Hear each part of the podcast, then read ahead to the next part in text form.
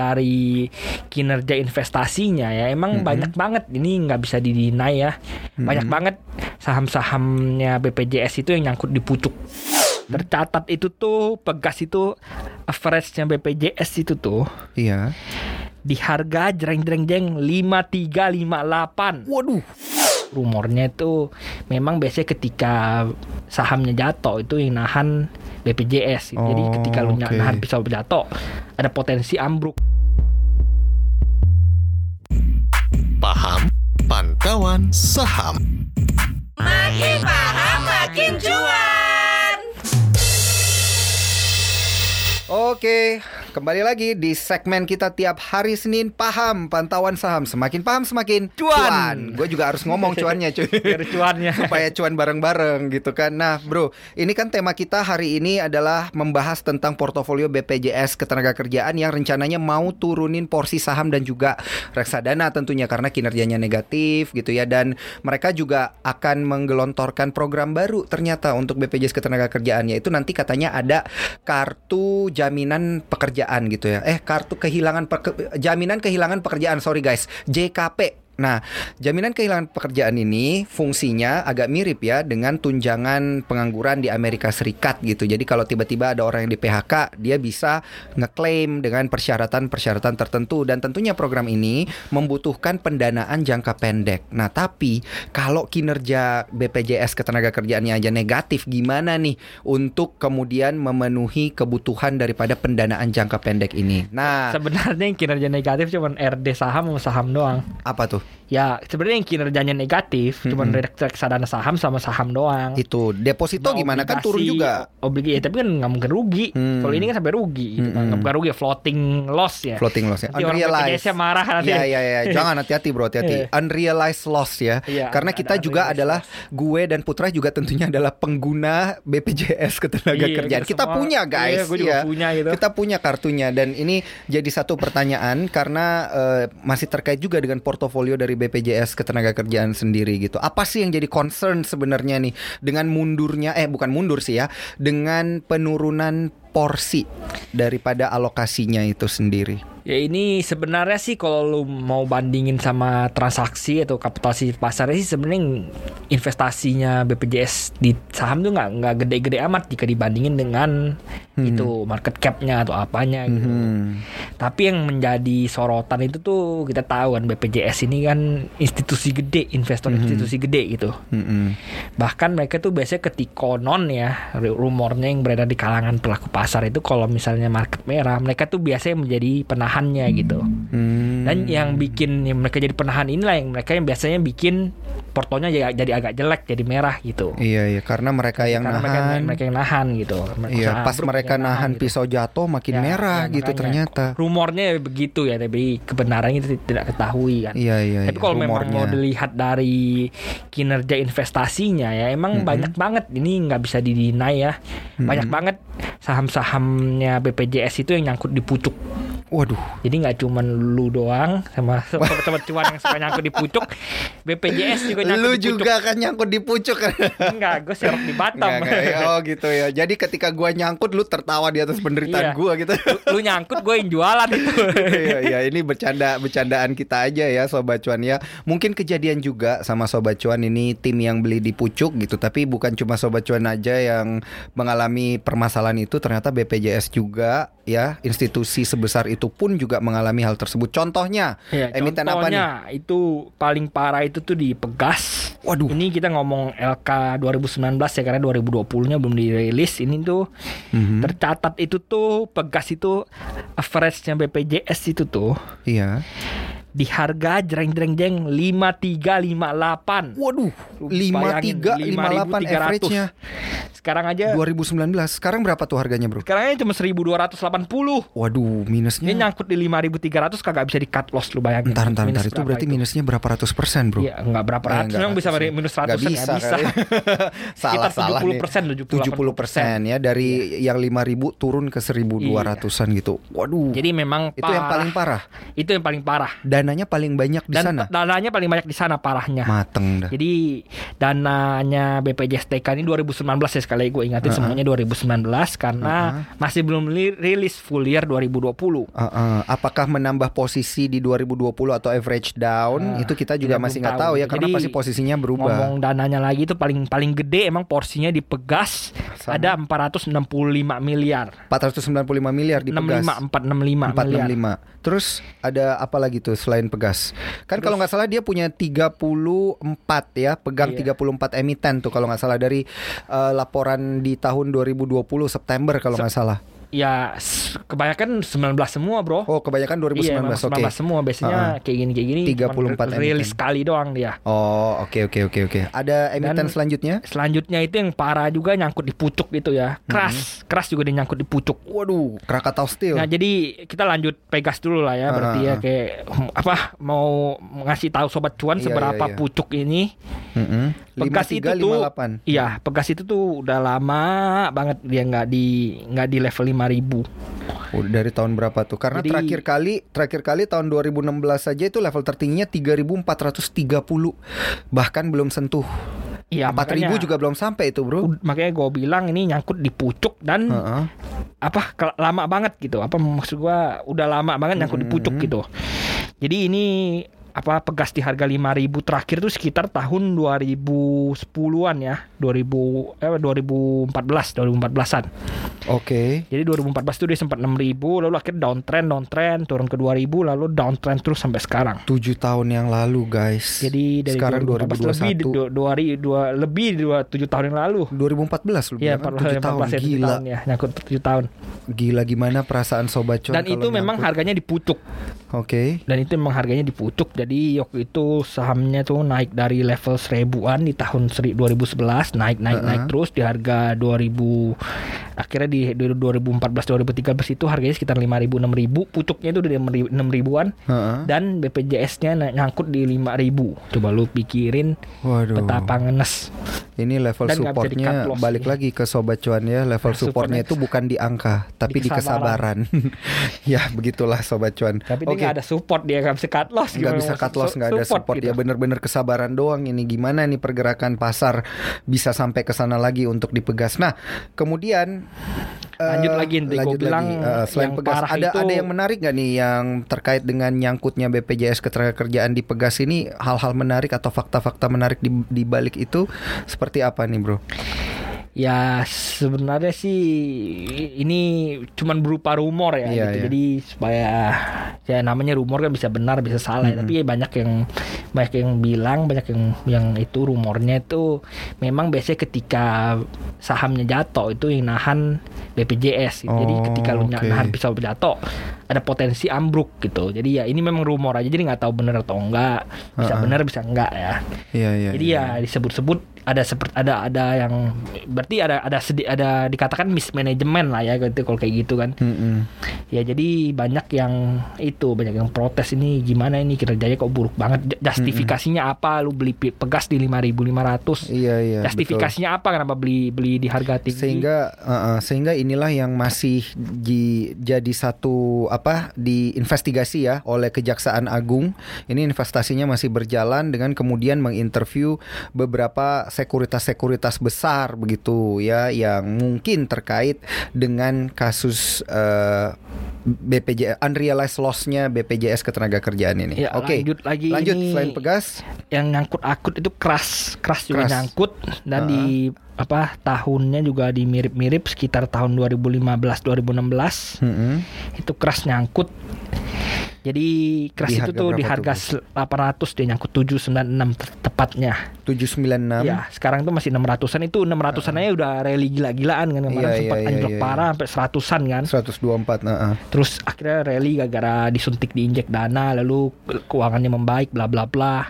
Ha-ha. Tapi sebelum sebelum sebelum itu tuh ya dia apa BPJS tuh udah nyangkut di level tinggi gitu 800. Hmm. 800 ini kali terakhir itu tahun 2016. Jumlah dana yang nyangkut itu berapa tuh?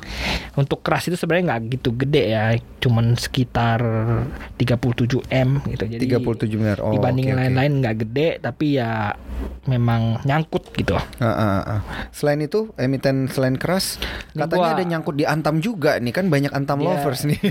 Jadi sebenarnya di Antam dia udah coba, cuan, coba. bukan oh. Antam udah cuan Iya. gitu ya. Heeh. Jadi average di Antam itu 1197, jadi udah cuan Oke. ya. Wah, sekarang Dan di- Antam turun di 2200 pun juga masih, Masih cuan, berarti ya. Tapi ya dan lumayan gede juga jadi nutup loss-loss yang lain gitu. Jadi, Oh, jadi di oke. Antam itu di 1197 tuh dia ada megang 179 miliar. Oh. Jadi kalau dijual di harga 2000-an ya dua kali lipat nih kurang lebih. Oh iya iya iya, nutup lah ya, lumayan nutup yang lain-lain Ya, berarti. Ya sebenarnya nggak nutup. Yang keras tadi ketutup berarti Keras kan tadi 37, doang ketutup. Iya. oh, Pegasnya yang lain belum nggak ketutup, pegasnya. Pegasnya iya tuh berapa? Pegasnya parah itu ya? banget, nggak 400 ketutup. miliar itu. Iya 465 paling paling parah emang dipegas gitu. Heeh, oke. Lalu yang lain lagi gue bacain aja ini di Mandiri itu dia ada 216 miliar di harga 7.700. Oke. Nyangkut juga berarti di BNI juga di satu- 135 miliar di harga 8.800 Ha-ha. nyangkut juga. Lalu di BRI ada 196 miliar di harga 4210 Mm-mm. berarti hampir break even ya kurang lebih nggak nggak nyangkut lah katakan. BBTN juga dia nyangkut parah ada 70 m di 3000. BBTN Iya di nyangkut parah 3000. juga berarti dia kan BB, Oke. BBTN sekarang masih seribuan kan jadi Di 3000 lumayan ini lah sekarang nyangkutnya. BBTN 1710. Di jasa marga dia ada 40 m kecil tapi nyangkutnya di 5700 Mhm.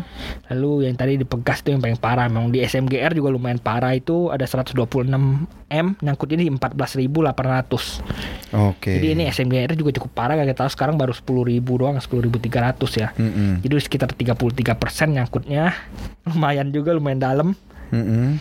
Di PTBA juga lumayan parah dia nyangkut di 4.700 lumayan banyak juga di PTBA nggak nggak gitu banyak sebenarnya di PTBA cuma 11 m doang ini tergolong Mhm. kecil lah ya. Wah, ini jadi kalau di ini kan ma- mayoritas ya dari 30-an emiten yang kemudian jadi portofolionya BPJS Ketenagakerjaan. Ini kan berarti mayoritas masih ada di kinerja negatif gitu ya dan nggak boleh di cut loss gitu kan. Jadi eh, gimana nih melihat kondisi seperti ini? Apakah sobat cuan ini masih bisa tenang dulu karena masih banyak yang merah nggak bisa di cut loss gitu kan? Berarti ya udah tenang-tenang dulu aja gitu atau ya ini kalau menurut BPJS mereka akan, akan ituin apa kon itu apa ngomongin dengan emitennya ini rencana Oh. ke depannya apa gimana bla bla Iya, bla iya, gitu. Berkomunikasi ya, langsung lah komunikasi ya. langsung Heeh. dengan ya ini haknya investor gede ya. Iya iya iya. Kalau lu nggak bisa nanti ditendang lu kalau masuk kantor ya. Kalau gue bacanya dari CNBC aja, Ya, nanti bener hasil tuh. meetingnya gimana gitu ya. Ya gue lanjut lagi emang Iya. masih banyak yang merah Telkomnya juga masih lumayan di 4129 ada 193 miliar yang gede-gede aja ya gue bacain Heeh, di Wika nih yang Heeh. banyak temen tanya nih konsumsi Iya, konsumsi iya, iya, mana jangan bersedih karena BPJS nyangkut lebih parah nyangkut di 2435 Waduh, miliar waduh. jadi lumayan parah ya dan Sekarang udah berapa tuh harganya? Wika itu masih seribuan nih nggak salah Iya iya iya iya iya. Wika di seribuan itu nyangkutnya di 2400 gila.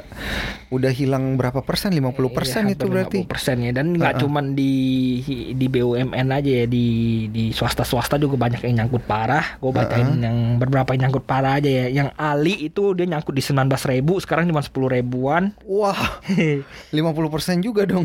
ada 44 miliar dia nggak gitu banyak Lalu yang Heeh. gede itu di Astra dia nyangkut di 7.600 jadi Heeh. parah lah ya Ya. Sekarang di 5350 ya Iya. Astra.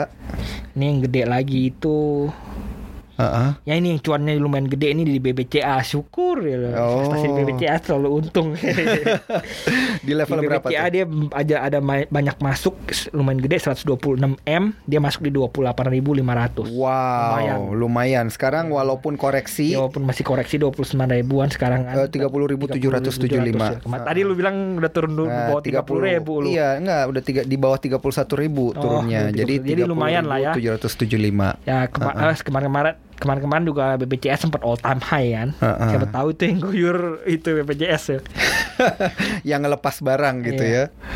Oke, Ya, oke, oke. lalu yang parah juga itu ITMG dia nyangkut di 41 ribu ITMG. Iya lu lihat ITMG sekarang berapa? Sekarang Aduh. belasan ribu deh kayaknya. Makanya cuma 12.700. Waduh, gila. ITMG itu salah satu emiten yang membagikan yang dividen iya, yieldnya paling gede, tinggi. iya. Uh-uh. Sekarang harganya 12.700 Iya, baru naik dia nyangkut 8,55 persen. 95M. Nyangkut 95 m di Iya. harga 41 ribu. 40 ribu, ya 40 ribu 950. Buset, menurut lu kapan kapan tuh ITMG bisa balik ke harga 40 ribu bro? Aduh, susah. Susah menjawabnya ya. Karena 2018 harga tertingginya aja itu 31.700 rupiah tuh tertinggi di 2018. Nah menarik ya.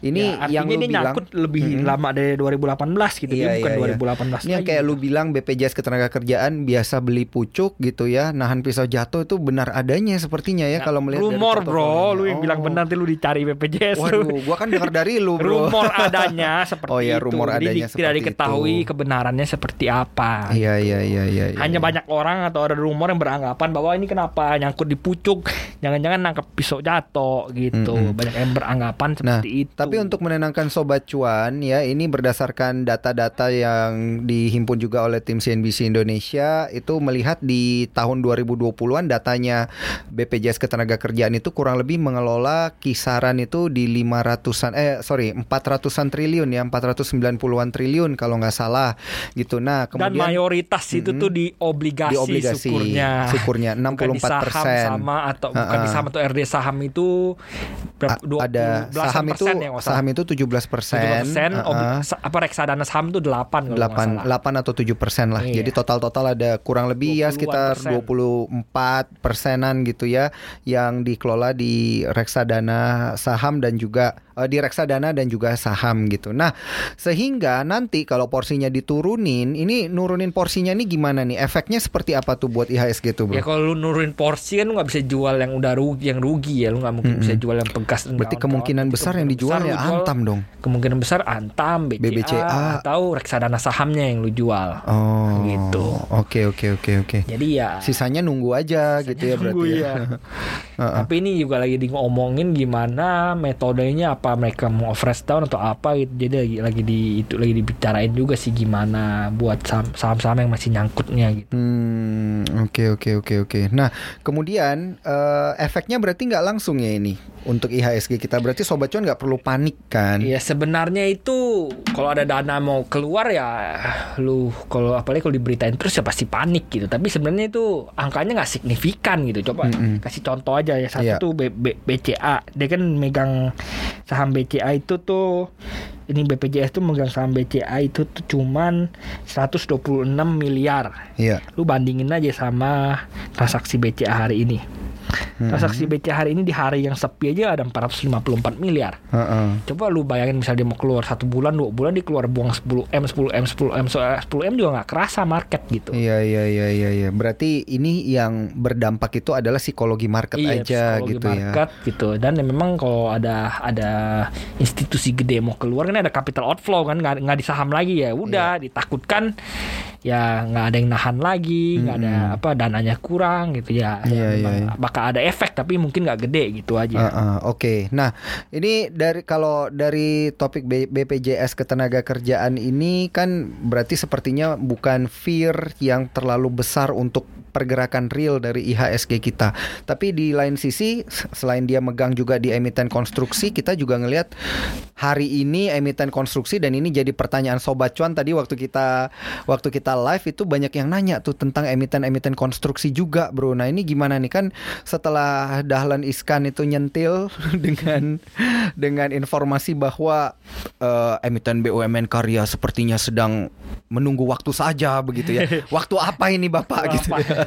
Akhirnya tiarap semua gitu ya. Kita lihat ada Adikarya, WSKT, Wika, PTPP semuanya ARB semua gitu. Gimana ini Bro Ya ngelihatnya? memang kalau mau ngomong kinerja itu kinerja sebenarnya Mm-mm. kinerja saham-saham konstruksi itu bisa dibilang kurang bagus slash buruk Iya.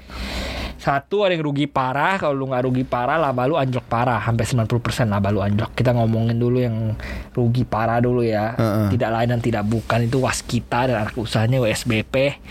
Waskitanya rugi 7 triliun, WSBP-nya rugi 4 triliun. Waduh. Dan banyak Ini terjadi bertahun-tahun. baru tahun ini. Baru tahun ini. Katanya sih gara-gara ada pandemi, tapi Iya. kalau lu lihat-lihat lagi mendalam itu ya memang laporan keuangannya agak aneh gitu. Di ada pandemi tapi beba- beban naik gitu. Mm-mm. Beban Itu maksudnya apa tuh kalau Ya, ada beban? ya, ya ada harusnya pandemi, harusnya beban- kan harusnya menurun kalau kan. pandemi kan bebannya turun gitu. Lu, lu pangkas bebannya ke apa kurangin gaji ke atau apa, kurangin Ha-ha. pembelian atau apa tapi beban was kita tuh naik gitu. Mungkin Memang karena harus bayar kompensasi gitu ada. Ada Enggak ya? faktor enggak tapi ada ada faktor sepertinya ada faktor ini apa namanya PSAK 71 juga Oh, ketika Di diberlakukan 71 iya. ini diberlakukan 2020 kan dan ha- harus ada pencadangan gitu. Jadi mereka ada pencadangan juga yang cukup gede juga tapi ya memang yang lain-lainnya beban-beban lain di di di waskita tuh ada beban ada pos beban lain yang nggak tahu isinya apa ya memang lumayan gede gitu. Hmm, Jadi ya oke, itu oke. jadi pertanyaan pelaku pasar ini ada apa gitu. Selain Hmm. Ya memang anak usaha juga rugi banyak gitu dan anak usaha juga agak aneh ya kalau rugi banyak kalau lu bandingin weton Mm-mm. pepre yang sama di bidang beton-beton Iya, semen iya. juga sebenarnya masih bisa untung uh-uh. gitu tapi Iya. USBP sendiri rugi parah sampai 4 triliun Wow. lalu waskita toll road juga rugi hampir satu triliun Mhm. dari USBP-nya sendiri juga kalau laporan keuangannya juga mirip-mirip sama waskita ada ada Mm-mm. ada beban lain-lain atau apa banyak banget beban yang naik gitu. Oke. Padahal lu lagi pandemi kenapa lu sampai naikin beban gitu sampai beban bisa naik itu ada apa itu tanda tanya kan. Oke. Nah, ini kalau udah ngelihat kayak gini-gini, berarti ini udah bener-bener awan hitam buat BUMN konstruksi, nggak bakal ada potensial upside dong di tahun 2021 ini atau sebenarnya masih ada? Ya sebenarnya lu mau ngomong BUMN konstruksi ya kan ada ketakutan ya di pasar. Lu lihat waskita sekarang itu case-nya cuma satu atau dua T gue lupa. Satu T ya kalau salah. Kasnya. kasnya cuma satu tinggal satu T. Dan utangnya tuh menggunung. Utang jangka pendeknya tuh sampai 20-an T kalau nggak salah 27 T. Dan cash ratio itu cuma 2% doang lu bayangin. Oke. jadi ada, ada ketakutan yang iminen dia benar-benar bisa gagal bayar gitu. Ada Hmm. kemungkinan gagal bayar karena ya lu lihat perbandingannya sampai kayak gitu parah banget. Bahkan anak usaha WSBP itu udah kena PKPU Hmm, jadi udah mateng. udah udah ya udah kena PKPU gitu Ah, udah udah penundaan benar-benar- kewajiban pembayaran Iya, utang udah gitu benar-benar alias gagal udah- bayar iya, gitu ya. Udah udah benar-benar Oh kalau gagal sorry sorry bayar. kalau P- PKPU itu berarti belum gagal bayar. belum gagal bayar gitu baru ya. dituntut gagal Ah, bayar gitu. ah, Misalnya tuntutannya apa diterima pengadilan lalu Iya, ya bisa iya. dibangkrutin, bisa dipilitin gitu. Ah, ah. Waduh ini jangan sampai deh ya karena Makanya, tentu pasti banyak. PKPU gitu. Ah, Karena ya memang lu lihat aja cashnya aja kecil gitu dibanding Iya, iya, sama iya, hutang iya. jangka pendeknya yang, yang menggunung. Tapi kan kalau kita ngelihat peluang-peluang ke depannya ini kayak Jokowi menyiapkan kurang lebih 1.300 triliun untuk Nah, infrastruktur. makanya Dahlan kemudian- Iskan bilang Ah, ah. kapan Pak ini BUMN konstruksi udah hausnya sampai ke kerongkongan kata Pak Dahlan kayak gitu. Iya iya, jadi berimbang lah ya eh, yang Pak Dahlan katakan walaupun memang dibilang ada buruknya Iya, di iya, sisi iya. baik, Tapi Pak Dahlan juga ya mendorong gitu yang- ya. Ya itu masih masih kan nggak mungkin selesai langsung dana cair kan nggak kayak gitu Mm-mm. nggak nggak bisa kayak gitu ada tahap-tahapnya ada transmisinya jadi Mm-mm. Lu nggak bisa ngomong 3-4 bulan selesai kalau kayak gitu kayak gituan Iya iya iya. Jadi ini kalau kita ngelihat emiten karya bakal hidup kembali dengan proyek-proyek yang ada gitu yang udah selama ini didapatkan di 2020 atau potensi di 2021. Ini nggak bakal jauh mendorong kenaikan dari emiten-emiten mereka dong ya. sebenarnya lu susah sekarang kalau lu ngomong waskita sekarang mereka mau bayar utang yang pendeknya gimana satu berarti utang bank. Siapa sih yang mau pinjemin? Nggak ada lagi pasti. Mm-mm. lu atau nggak rilis obligasi. Mhm. rilis obligasi ya kalau lu nggak kasih bunga gede lu orang juga nggak mau lu kayak gitu kinerja keuangannya harus terpaksa bunga gede ya nggak ada yang nggak mau ambil ya. Mhm. banyak op- opsinya ya paling cuma itu doang kalau supaya nggak gagal bayar kan? Iya iya iya iya. Kalau Pak Dahlan juga makanya ngomong nih kayak gini mau gimana atau mau jual tolnya? Siapa yang mau beli? Kondisi pandemi kayak gini kecuali lu mau jual murah ya. Mm-mm. jual murah nanti rugi lagi atau apa kan?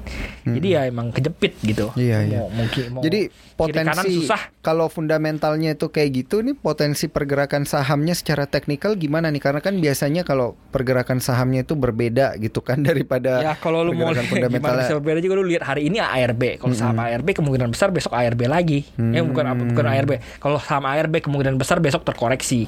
At least paginya terkoreksi. Jadi at least pagi dibuka terkoreksi lagi. Gitu. Artinya kan usaha ARB kan artinya pasar mau jualan tapi dilarang kan. Berarti besok Iya. bakal masih banyak yang mau jualan lagi gitu. Iya, uh, uh, uh. sikap sobat cuan ini apa nih bagusnya yang nyangkut nahan, average down atau Lanjut apa? dulu ya. Ini kan tadi baru bahas Iya. waskita, Heeh. Wika-nya sekarang bahas yang kedua terbesar nih. Waskita sama Wika kan dua Heeh. yang gede kan. Oke. Wika ini juga sebenarnya un- sebenarnya masih membukukan untung ya. Mm-mm. Walaupun turun 70 atau 80-an persen sebenarnya masih untung. Tapi ternyata untungnya itu bukan bukan gara-gara laba usaha tapi gara-gara laba lain-lainnya gitu. Mhm. Jadi ini Wika itu tuh baru refund baru refund pencadangan ya. Mm-mm. Refund pencadangan. Jadi sebelumnya kan misalnya ada ada yang gagal bayar lalu dikasih pencadangan gitu kan. Dan ternyata dia udah di, di refund di tahun 2020 ini gitu. Oke. Jadi tapi ternyata tuh refundnya itu tuh bukan dalam bentuk cash, tapi dalam bentuk bentuk debt equity swap. Jadi utang tukar saham. Oke. Dan kalau misalnya dalam Obligasi itu, ya- wajib konversi gitu Ya, bukan? bukan debt equity swap dia. Jadi kok ketika ini debt equity swap, swap biasanya perusahaan dirugikan, perusahaan yang nukar utang jadi saham tuh biasanya dirugikan. Kenapa? Karena lu beli saham Nggak liquid gitu. nggak ya? lu beli bukan nggak liquid ini sahamnya perusahaan tertutup. Oh, oke. Ya, jadi lu beli saham perusahaan kinerjanya kagak jelas kan gagal bayar utang kan. Nah, Secara otomatis lu Iya. memegang saham dia Iya, ya, padahal lu nggak mau beli padahal lu juga. nggak mau beli gitu. Kan nggak tahu di harga berapa lagi bisa jadi Iya, harganya iya. harga kita beli di harga mahal gitu kan. Iya, iya. Jadi sebenarnya walaupun walaupun ini masih untung tapi sebenarnya dipoles itu kalau menurut gue dipoles supaya Oke. untung. Oke, oke. Dan oke. memang ini refundnya juga bukan dalam bentuk cash, dalam bentuk debt equity swap gitu. Jadi yang baliknya juga dalam bentuk saham gitu. Jadi ya nggak nggak nggak bikin ketahanan cash ratio-nya Wika makin baik gitu. Cash Hmm. ratio-nya Wika emang lebih baik daripada kita ya. Kalau nggak salah 20 atau 30-an persen tapi ya masih lebih oke gitu. Tapi ya itu angkanya bukan angka yang baik. Mhm. Ada potensi gagal bayar juga di angka segitu gitu. Waduh. Oke, oke, oke, oke, oke. sebenarnya masih paling mending itu PP, PTPP ya ya Vika sama PTPP tuh bisa mangkas beban ya. Kalau misalnya was kita kan gagal mangkas bebannya, beban keuangan, beban umum, beban apa lain-lain semua naik semua. Kalau was kita sama PTPP itu masih mampu lah mereka mangkas beban. Jadi PTPP itu masih mampu cuan tipis walaupun anjlok parah dari tahun lalu Mhm. untuk tahun 2020 yang memang kurang menyenangkan lah untuk emiten konstruksi ya kita tahu. Utang kan labanya apa bunganya kan jalan terus. Tapi proyek lu mangkrak semua. Iya, iya, lu iya. kan padat modal kan? Mhm. padat modal ya lu. Kalau mau bangun proyek yang utang dulu. Kalau udah jadi baru dijual gitu atau gimana padat modal ketika mak proyek mangkrak bunga jalan terus amsyong Heeh. gitu bro Oke oke oke oke. Nah kalau selain kedua itu emiten lainnya gimana? Karena tadi sobat cuan ada yang nanya tentang Adi, ada yang nanya tentang Adi Karya tuh untuk emiten. Ya kalau Adi Karya sebenarnya masih belum rilis sih sampai sekarang ya. Sampai sekarang belum rilis keuangannya yang belum rilis ya cuman Adi Karya doang gitu. Jadi ya masih belum bisa lihat tapi kemungkinan sih ya turun gede juga, turun gede dari tahun lalu. Masalah untung atau enggak ya nggak tahu ya. Masih masih bisa bukukan untung atau enggak. Kemungkinan besar masih bisa bak bukukan keuntungan. Heeh. Tapi kita nggak tahu apakah memang dipoles jadi bukan keuntungan atau enggak gitu. Jadi harus dilihat full year-nya rilisnya gimana. Oh oke oke oke. Tapi kalau kita ngelihat dari keseluruhannya nih jadinya sikap investor gimana? Gue balik lagi nih ke pertanyaan yang tadi karena pasti sobat cuan dengerin lu ngomong ini udah pada stres semua nih. Mampus gue nyangkut di sini, nyangkut di sini emiten konstruksi dengerin lu ngomong secara fundamental makin deg-degan Iya gitu. sebenarnya kalau nih? lu mau Cut loss kah, mau- average down atau Kalau lu trading ya udah lu cut loss mending karena ini downtrend pastinya ke depannya. Kalau memang trade masuk gara-gara trading, gitu? Heeh. lu nangkep pisau jatuh ya udah cut loss aja. Kalau Tapi kalau misalnya memang lu pengen investasi di sini sebenarnya ini emiten-emiten konstruksi emang diuntungkan dari SWF gitu. Jadi secara jangka panjang mungkin 2022 2023 lu kalau investasi mentalnya udah udah harus siap. Harus siap 2022 jangka panjang 2023 lah Nggak gitu ya. ngomong, Nggak ngomong 1 2 tahun bisa 3 4 5 tahun gitu. Jadi lu kalau memang ingin investasi ya udah harus siap gitu. Jadi kalau memang lu masuk buat tujuannya memang investasi dari kemarin-kemarin gara-gara ada SWF. Ya nggak apa-apa nanti kalau udah turun parah lu average down aja dulu gitu. Hmm, karena mentalnya Karena memang untuk 2 3 Mentalnya tahun untuk- lagi. Untuk, untuk jangka panjang gitu, nggak cuma cuma 2 3 tahun bisa sampai 5 6 tahun gitu. Mhm. Jadi emang untuk jangka panjang memang masih akan diuntungkan dengan adanya sentimen SWF ini akan ada dana segar yang bantu gitu. Oke, oke, Tapi oke. lu nggak bisa ngomong cuman pendek-pendek doang 1 2 tahun, 3 tahun nggak nggak bisa. Hmm. Karena- kemungkinan baiknya kecil di Iya, awal karena tentunya mungkin eh, untuk sektor konstruksi sendiri ini kan dia punya nature of bisnisnya beda gitu ya. Jualannya juga jualan proyek. Habis itu kita juga harus ngelihat kalau emang ada SWF dan ada pendanaan yang lain-lain dari Presiden Jokowi juga itu ada waktu ya untuk transmisi Iya. ke laporan keuangan mereka. Nah, kurang lebih kayak gitu ya Sobat Cuan kita ngomong ini terkait dengan banyak institusi pemerintahan ya. Yang awal tadi dari BPJS Ketenagakerjaan habis itu kita beralih ke emiten-emiten BUMN konstruksi, BUMN BUMN karya yang hari ini sedang tiarap. Oke. Waktu kita udah habis nih di Paham. Semoga informasi-informasi ini bisa membantu Sobat Cuan ya untuk mengambil eh, keputusan karena keputusan tentunya keputusan investasi kita kembalikan lagi ini adalah eh, adanya di tangan para sobat cuan sendiri ya. Bijak-bijaklah dalam menentukan keputusan investasi. Oke. Segmen kita paham, pantauan saham semakin paham semakin, Semakin cuan. Jangan lupa dengerin kita tiap hari Senin untuk segmen ini di Apple Podcast, Google Podcast dan juga tentunya Spotify. Oke. See you sobat cuan. Bye-bye. Bye.